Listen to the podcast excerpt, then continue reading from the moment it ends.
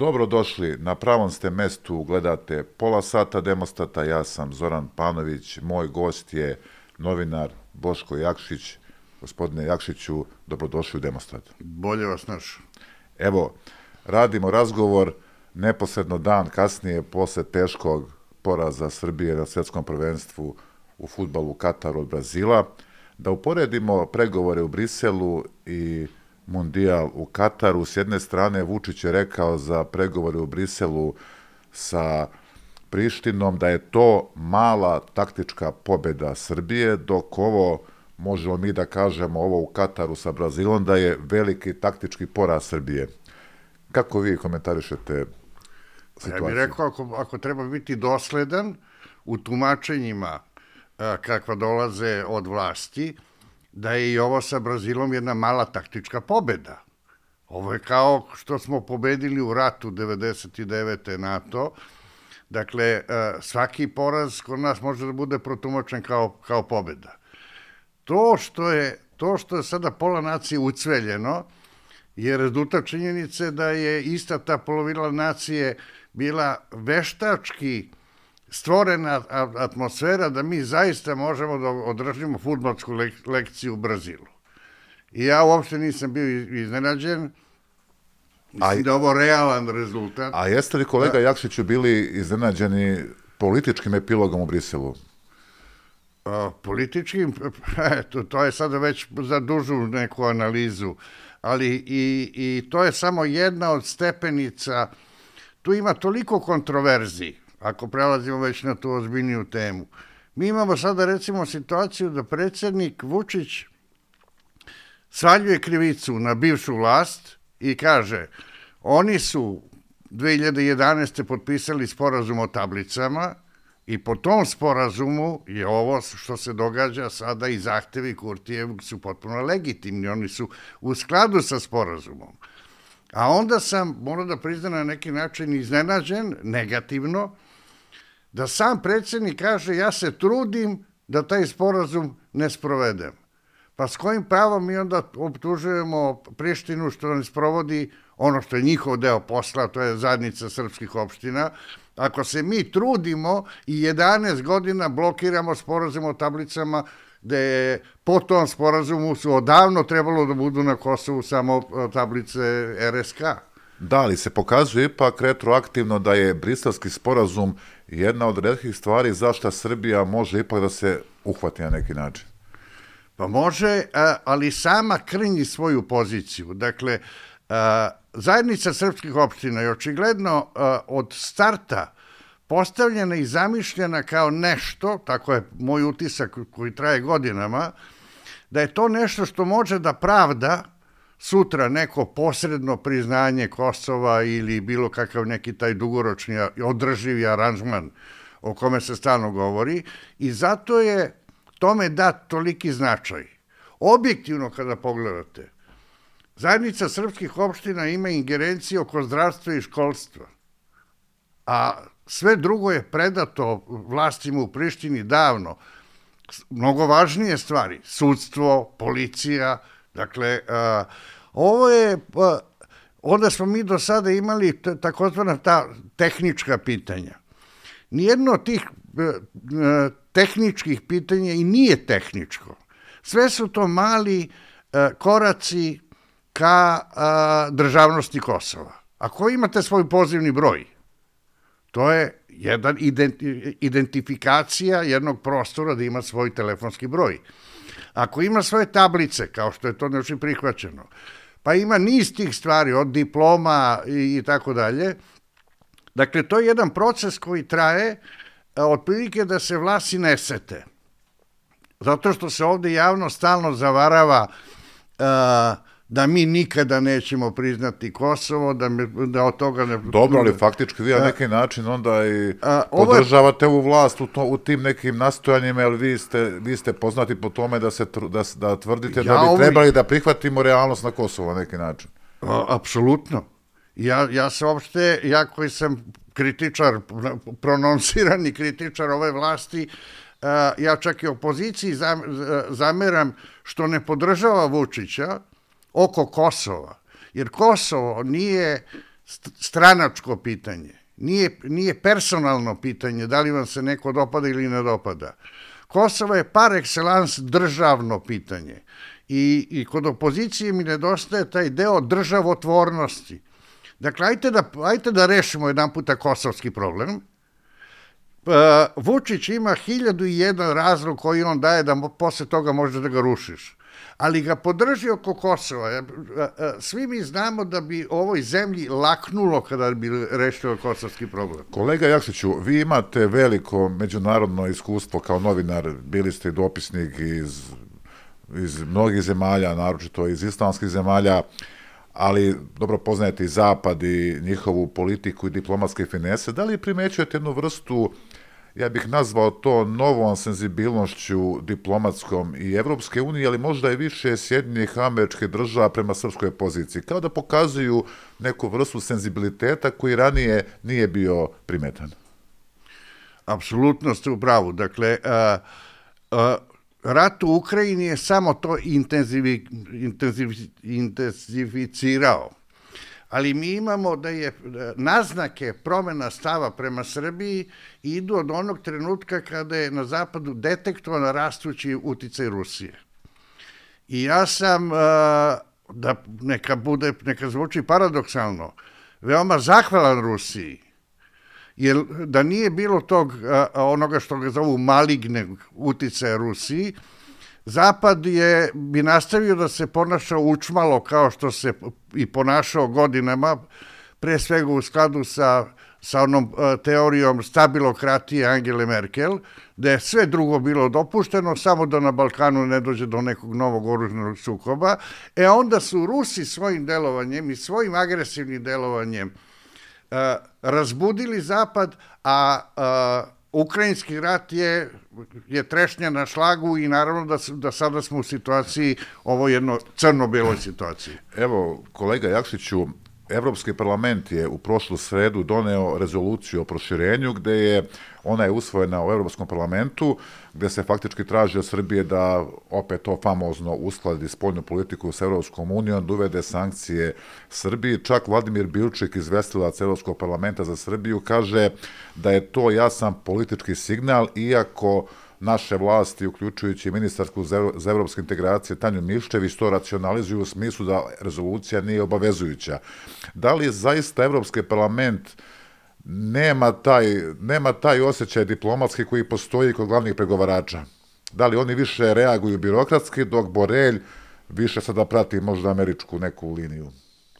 Evropski parlament jeste pozornica stranačkih nadmetanja Dakle, predstavnici raznih stranaka iz, iz različitih zemalja članica Evropskog parlamenta koriste tu tribinu da bi a, a, potencirali svoje stranačke stavo. I naravno da se onda tu konzervativci razlikuju od socijaldemokrata, ali je isto tako činjenica da ova rezolucija, ako pogledamo broj poslanika koji je podržao, to je već jedna nadstranačko glasanje bilo. I bez obzira, ja mislim da je, da je to tumačenje, da je to neobavezujuća rezolucija, To je samo zavaravanje. Tako je, ta rezolucija nije obavezujuća, ona nema, ona nema važnost kakva je ka, kao bilo kakva odluka izvrš, e, e, e, komisije Evropske unije, koja je izvršni organ. Ali, e, zavarava se onaj koji misli da takva jedna rezolucija nema uticaj na kreiranje evropske politike i kada dođe do Evropske komisije. Jer u Evropskoj komisiji moraju da vode računa i šta kaže Evropski parlament.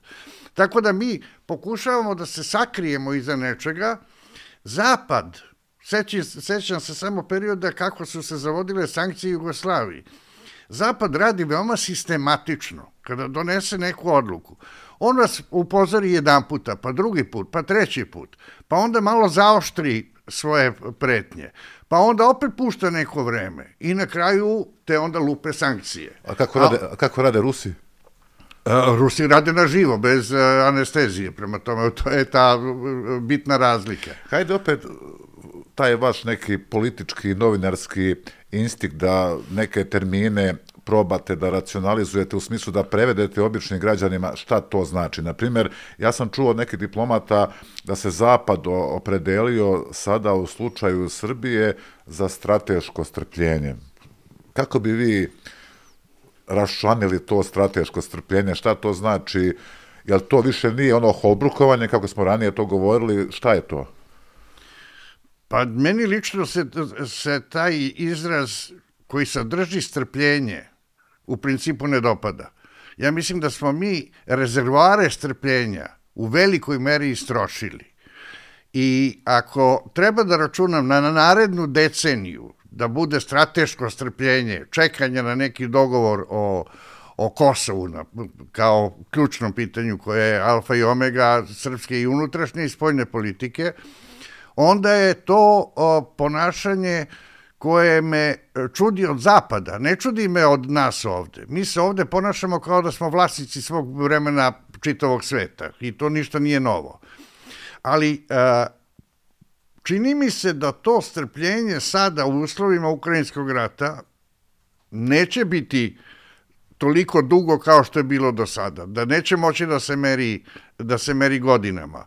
U krajnjoj liniji ja neki svoj optimizam oko Kosova gradim možda na pogrešnoj premisi, ali gradim na izjavi Gabriela Escobara koji je rekao da kosovsko pitanje je da se radi o nedeljama, a ne ni mesecima i godinama. Da li to znači, kolega Jakšiću, da bi nam s jedne države, a neki način, malo progledali kroz prste ako su u pitanju sankcije Rusiji, ako bi napravili suštinske iskorake na temi Kosova, kako to možda Zapad zamišlja? Pa jasno je da je Kosovo uh, ključno pitanje. Mi sada kada slušamo sve ove debate oko oko tablica, što je gotovo meni deluje bizarno da se toliko vremena uh, troši na pitanju tablica, da odavde imate izjave da Srbima na severu Kosova preti pakao ako ne bude određenih datuma. Dakle, to je sve onako poprilično natapirano, kako bi moglo da se kaže.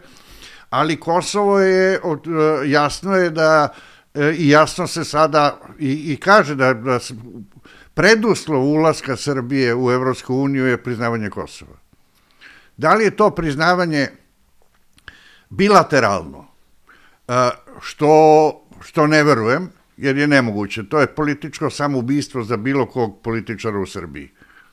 Ove ili one provinjencije. Takva je ambijent i takva je atmosfera napravljena, ali ja sam i pre nego što je stigao ovaj američko, nemačko-francuski predlog, se zalagao za to, meni se čini realnom, realnim e, rešenje da pustite Kosovo da uđe u Ujedinjene nacije, da ne morate da potpisujete bilateralni sporazum i da se na taj način otvori put jednima i drugima ka Evropskoj uniji. A šta kolega Jakšiću znači opet ta jedna diplomatska formulacija koju sam načuo da je za Srbiju najopasnije da se nađe u geopolitičkom vakumu?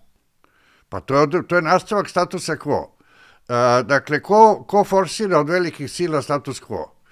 Mi imamo s jedne strane Amerikance koji su pojačali svoj angažman i očigledno pokušavaju da nađu neko rešenje i verovatno mnogo toga mi ne znamo u ovom trenutku šta sve diplomatija radi. Imamo isto tako očigledne primere da i Evropska unija pojačava svoj angažman uh, Dakle, ovaj francusko-nemački predlog za koji Borelj kaže da to nije francusko-nemački, nego da to predlog Evropske unije. I s druge strane imate Rusiju koja ima taj enormni uticaj pre svega u javnosti srpskoj, koja oko Kosova sve vreme podržava stav statusa quo. Status quo je... A, a, dakle, Za nas loš po vama.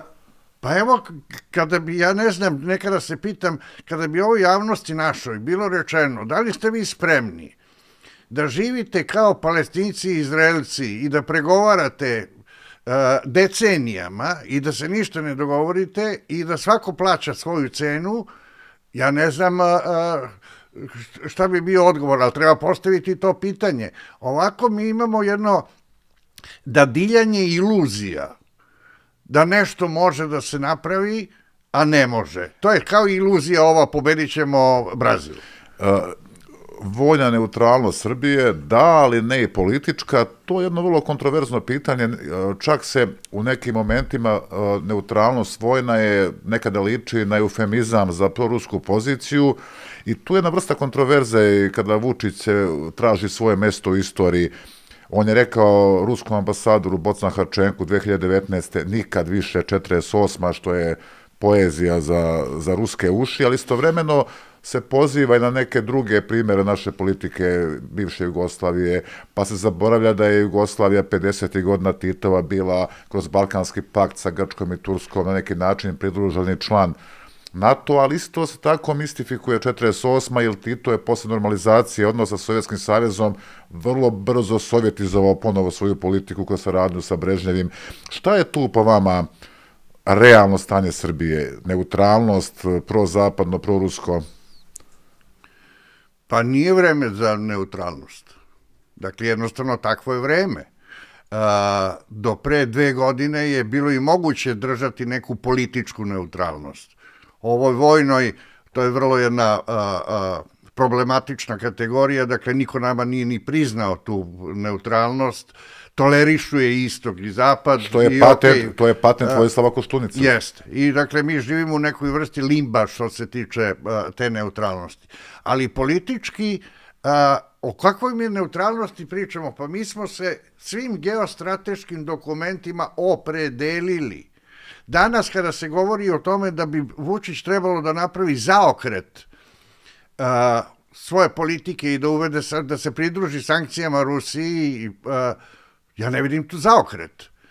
Vi samo podržavate stav koji je definisan kao geostrateška pozicija Srbije, to je Evropska unija, to je Zapad. Da, evo, kolega Jakšiću i Tanja Miščević kaže povodom rezolucije o proširenju Evropskog parlamenta da u stvari Evropski parlament zanemaruje sve te poteze Srbije koji su upravo u saglasju s Evropskom unijom povodom i rata u Ukrajini i odnosa prema Ukrajini, dok se samo naglašavaju te famozne sankcije prema Rusiji. Pa to je tačno, ali a, a, da li mi znamo kako, ja sam pokušao da nađem neke rezolucije, pa nisam uspeo a, Ujedinjenih nacija, a i rezoluciju sada Evropskog parlamenta oko ovaj oko a, Rusije kao sponzora terorizma, kako, tu, kako je tu Srbija glasala. Mi, imamo, mi se stalno pozivamo na glasanje u Generalnoj skupštini jedinih nacija i to smatramo kapitalnim argumentom da smo sve odradili. Pa to nije dovoljno, to očigledno nije dovoljno. Zapad očekuje mnogo više gestova solidarnosti i identifikacije sa svojom spoljnom politikom od onoga što je Srbija uradila. Evo, vi imate veliko i dopisničko iskustvo. Hajde malo da to prebacimo na sadašnji teren. Dobro poznajete Italiju, bili ste i dopisnik politike iz Rima.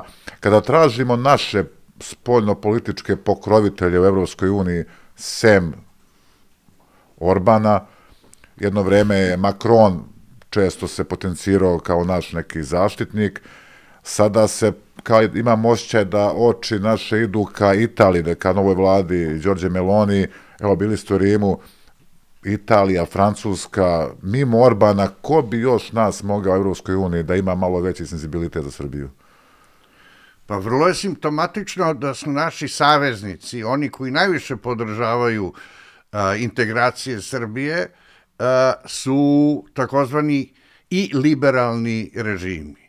Dakle, od jednog nacionalista i desničara kakav je Viktor Orban, do ove neo, gotovo neofašističke desnice u Italiji, a, čime se lud ponosi, toga se pametan stidi. Da li... Dakle, a, mi sada, evo, a, da se vratimo na rezoluciju Evropskog parlamenta, koji uslovljava sada mogućnost korišćenja fondova a, time da li će se Srbija priključiti sankcijama. Uh, očigledno je da, da Evropska unija zaoštrava neke svoje stavove.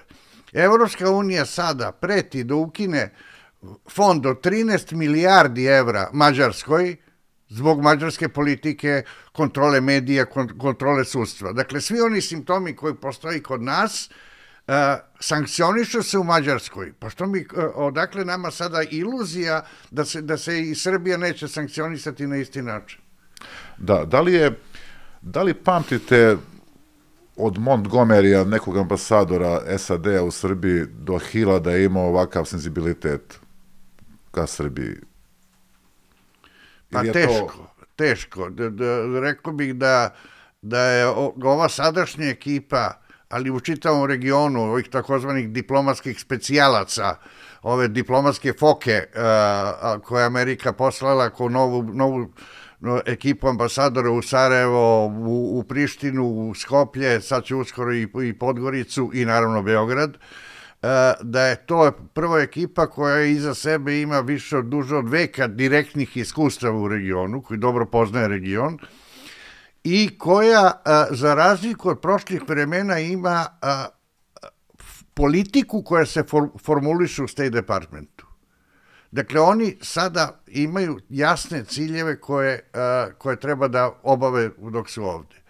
I sudeći po aktivnostima ambasadora Hila, koji je lumen u odnosu na onog njegovog prethodnika koji išao je očevape po Srbiji i na tomu se svodilo ambasadorske da. aktivnosti, da? jeste. mi sada smo suočeni sa ozbiljnim angažmanom Amerikanaca. Ali je taj angažman sada, za razliku od Trumpovih vremena, onih vremena za kojima se ovde mnogi i danas lamentiraju što, ovaj, što je Biden pobedio, ne Trump, uh, ta, taj njihov angažman je u koordinaciji sa Evropskom unijom. Dakle, Amerika više ne ide solo kao što je išla u Trumpovo vreme. I a, sama ta činjenica da Amerikanci i Evropljani idu zajedno a, podiže nivo a, ozbiljnosti čitave situacije. A ja nisam siguran da, da smo mi u svakom trenutku u stanju da prepoznamo koliko je to sve ozbiljno. Da ne zazvučim cinično, ali Vučić kao da, da je dao dovoljno fore Putinu da završi posao u Ukrajini, ali to izgleda ne ide tako brzo. Kako sad uh, ocenjujete trenutno stanje na ukrajinsku rata u Ukrajini, pre svega mislim na diplomat, diplomatsko-geopolitička dijagnoza i moguća rešenja? Pa jedno je, jedno je recimo ono što bi rekla neka vojna analiza, to je Uh, uh, frontovi se malo pom, pomeraju, ono što su Ukrajinci napravili uspehe na, na jugu, sada im Rusi pokušavaju negde na severu Ukrajine uh, da povrate ono što su izgubili. Dakle, to je promenljiva neka geometrija krila koja se tiče, ali ono što je, ono što je novo i što čini mi se Rusiji nanosi nepopravljive štete, a to je bez obzira na uporno ponavljanje iz Moskve da se ne gađaju civili, da se čak pačljivo izbegava da civili budu žrtve, ako vi u jednom trenutku ostavite 10 miliona Ukrajinaca bez struje u, u vremenima zime i bez grejanja, onda je to direktan udar na stanovništvo. I to onako koji je, pa koji je na granici jednog ratnog zločina, kada se tako masovno kažnjava stanovništvo, a ne vojske. Kako vam se čini pozicija Putina i Zelenskog? Ajde da kažemo i medijski, kada pogledamo nastupe jedne i druge strane, jednog i drugog lidera, vi kao novinar, kako bi to ocenili? Pa oni su nemerljivi. Mislim, to su dva lika koje nisu za, za poređenje. Putin je suviše ozbiljan, suviše uh, hladan. Uh, Putin je bivši KGB-ovac i on zna jako dobro i kako da se ponaša i šta govori i koliko često govori.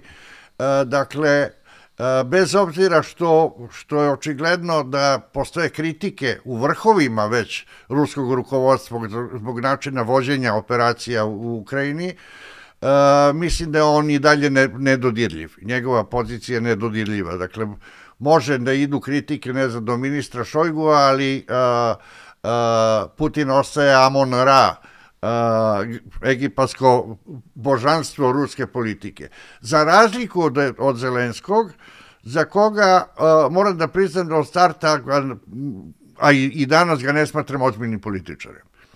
Mislim da je on u značajnoj meri uh, svojim glumačkim talentima se obraća svako veče naciji i tako dalje, to, to ima nekog efekta, ali da njegov generalni politički stavovi su značajno doprineli da se Ukrajina podmetne i da danas plaća cenu nečega što je lako može da se pretvori u rat do poslednjeg Ukrajinca. Turska, Erdogan? Vešta. Vešta. To je... A, Videli smo još u vremenima migranske krize koliko je merkantilni faktor u turskoj politici značajan, to je Levant pregovarati i trgovati sa sa, sa Orijentom je uvek ste u, u deficitu ako dolazite iz Europe. Erdogan je ozbiljan igrač. Bili ste dugo godina dopisnik iz islamskog sveta. Da li mislite da je ona islamska pretnja koja se toliko govorilo i koja je bila često prisutna i ne samo kroz politiku, već i kroz terorizam, da li je sad islamski svet na neki način otišao u drugi plan, a da je, ako ne računamo Tursku, i da je čak mundijal u Kataru jedno sasvim drugo lice islamskog sveta koje se pojavilo. Pa jeste, jeste. Od sama činjenica to je uh, pre svega Bajdenov veliki zaokret, onog trenutka kad je on rekao da Bliski istok više nije prioritet američki, nego je to Indo-Pacifik i odnosi tamo sa Kinom u Južno-Kinesko more i svi problemi e, koji, koji tamo važe, da postoji apsolutni prioritet američke spoljne politike. Bliski istok je nekako, pao mu je, pao mu je rating i vidimo da i nema nekih značajnijih događaja e, Čak, šta više, mislim da rezultat svega toga može da bude i pozitivan, jer e, recimo zemlje poput Saudijske Arabije shvataju da su ili zaliva, shvataju da su ih Amerikanci na neki način napustili i da sada same moraju da rešavaju unutrašnje probleme u regionu, pa Saudici imaju kontakte sa Irancima, što je bilo do, do skoro ne, negde nezamislivo. Mislim da ovaj, da je taj sekundarni efekat pozitivan po Bliski istok, koji je jedan od regiona koji je uvek bio najopasniji na svetu. Da li grešim ili ne, jedno, ali jedno vreme se Kina smatrala na neki način prirodnim saveznikom Putinove Rusije i njen lider Si, sada kao da se čini da ne mora tako da bude. Pa rekao bih da onima koji se duže bave odnosima Rusije i Kine, to nikada nije bilo tako i nikada a, nije postojalo iskreno prijateljstvo dva komunistička režima, ni u sovjetska vremena, ni danas. A, postoji dubog zazor i kod jednih i kod drugih, i Kineza od, od Rusa, i, a još više Rusa od, prema Kinezima. U krajnjoj liniji oni su pre šest decenija imali jedan mini rat. E, tako da, ja mislim da je ova čitava situacija izbacila Kinu kao velikog dobitnika ukrajinsko, ukrajinske krize, e, jer je e, Putin primoran da se obraća Kini, ali se ne obraća sa pozicije velikog brata. Pre bih rekao da je tu predsednik Si veliki brat koji čini ustupke Rusima, a Kinezi i te kako će dobro znati da naplate. Da, nekad se govorilo, vi to možda bolje znate, da najbolje optužbe o revizionizmu daju jednim drugima sovjetski i kineski komunisti, da se najbolje poznaju. Tako je. Uh, da li, gospodine Jakšiću, imate sa svim vašim iskustvom neku vrstu nostalgije za vremenom hladnog rata i vremenom ideologija i kada se neka logika znala za razliku od ovoga sveta gde su stvari identiteti počinju da budu ideologije. Pa to je tačno. A, ali ja nikada nisam verovao a, u ono da je svet krajem hladnog rata postao dez, dezideologiziran. Ne, ideologije i dalje postoje i, i kao što vidimo u velikoj meri uh, utiču na sve, na sve događaje. A nostalgije, nostalgije nemam. Ako sam sa profesionalnog stanovišta posmatrajući, ako sam tada imao gomilu događaja koje, koji su inspirativni za analize i pisanje, pa ovo vreme ja ne mogu da, da stignem da napišem sve ono što bih teo koliko je ponuda. Ako je Fukuyama omanuo sa teorijom o kraju istorije, istorije Da li je Huntington omanuo sa teorijom o sukobu civilizacija, jer vidimo da sada postoje razne neprincipijalne koalicije, da razni igrači iz različitih civilizacija prave međusobne paktove i, i dilove. Da, jeste, postoji jedna čudna mešavina, ali isto tako a, postoji jedan trend koji bi možda, nadam se da neće, ali mogao da da Huntingtonu za pravo. Kada pogledate ulogu religija u savremenoj politici, svuda širom sveta, kak, koliki je uticaj takozvanog evanđelskog pojasa u Americi na kreiranje rast ovog dubokog konzervativizma. E, kada pogledate, e, ne govorimo o islamu i njegovom, njegovom, njegovom buđenju, ali kada pogledate i druge religije, kad mi pogledamo ovde pravoslavlje na pravoslavnom prostoru, koliko je religija dobila na političkom značaju, onda, onda se nekada vrlo često se setim uh, izjave čuvenog de Golovog ministra kulture uh, i velikog intelektualca Andreja Malroa, koji je negde sredinom 50. godina prošlog veka napisao da će 20 i prvi vek biti vek religija. I moram da priznam da vrlo često nalazim simptome od, o, o rastu uticaja religija, a čim njihov uticaj raste, onda se mogućnost njihovih međusobnih konflikta uvećava. Evo, stigla je Russia Today u Srbiju, deluje zaista i Russia Today vrlo decentno u odnosu na mnoge domaće medije u Srbiji. Pa ja mislim da Russia Today uopšte nije morala da se javlja e, i da se vraća, jer, jer je jedna ispostava na srećnoj televiziji uh, vodi propagandu koja je koja je potpuno uh, neporediva sa onim što bi Russia Today uradila, tako da uh, ne vidim da je, da je to time osvežena neka situacija informativno. Kolega Jakšiću, hvala vam što ste bili gost Demostata. Hvala vama. Poštovani gledalci, bile ovo pola sata Demostata, vidimo se sledeći put.